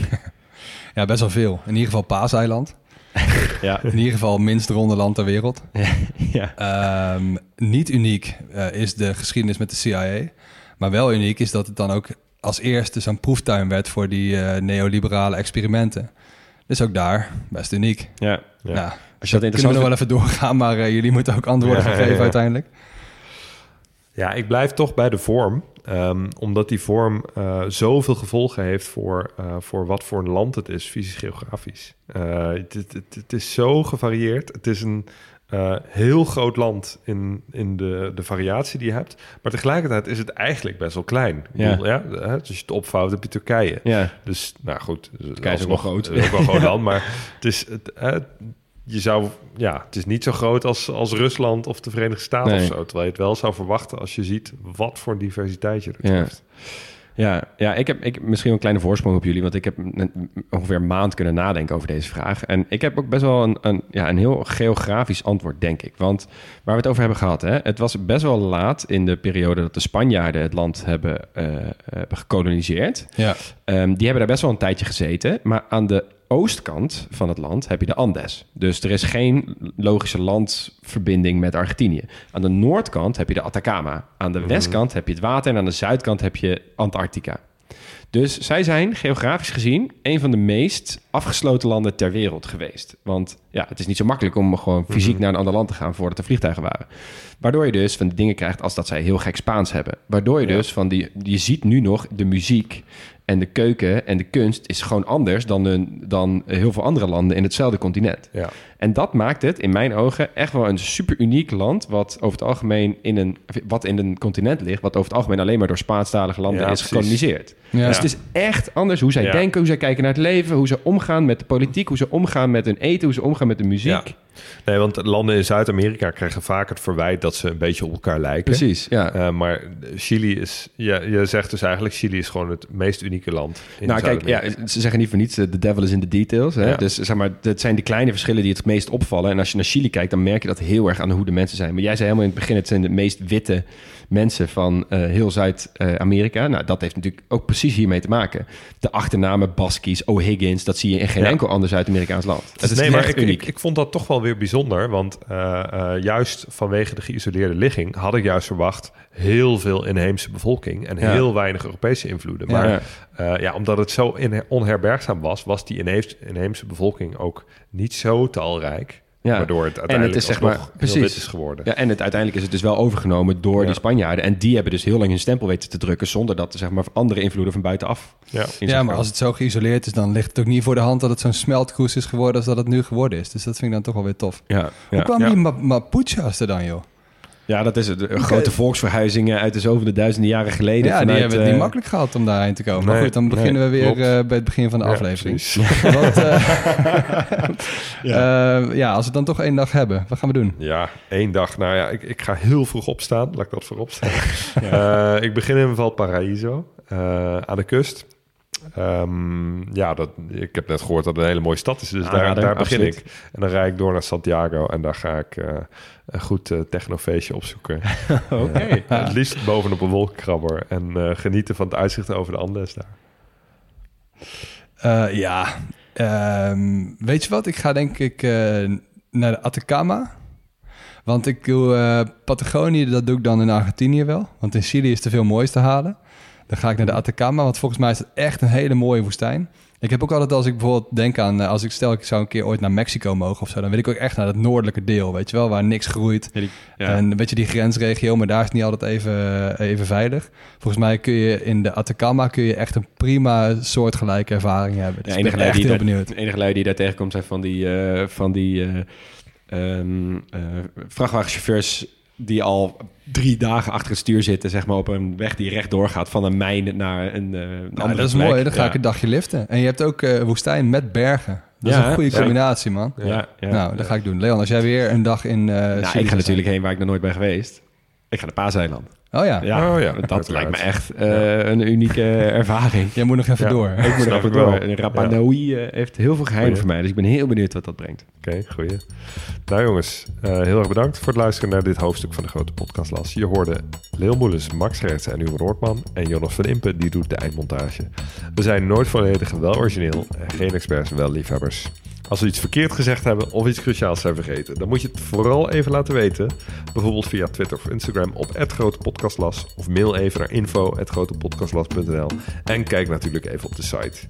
Volgende week hebben we de eer om nog wat verder te praten over Chili. En dat doen we met Carmen Gonçalves, de Nederlandse ambassadeur in Santiago. Die speciaal voor onze aflevering naar Nederland reist. Dat is een grapje, maar toch. Ciao.